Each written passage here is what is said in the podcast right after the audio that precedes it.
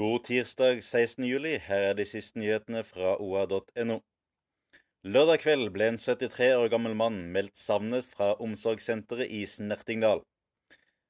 Redalen Røde Kors sto klare til å rykke ut, men ble aldri bedt om å bistå av politiet. Politiet hadde ikke ressurser til å sette inn, og Røde Kors reagerer nå på at de ikke ble varslet. Det vakte sterke reaksjoner da Brufoss bru over Hundselva i Gjøvik ble vedtatt revet i kommunestyret før sommeren. Nå har imidlertid Arbeiderpartiet snudd i saken, og fungerende ordfører Finn Olav Rolijordet fra Rødt kan dermed gi rådmannen kontrabeskjed.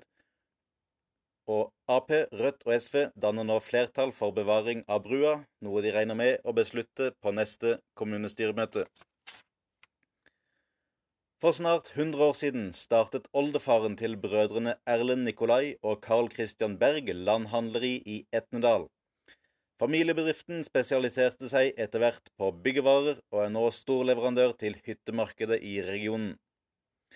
Les mer og følg med på oa.no for de siste og viktigste nyhetene fra Vest-Oppland.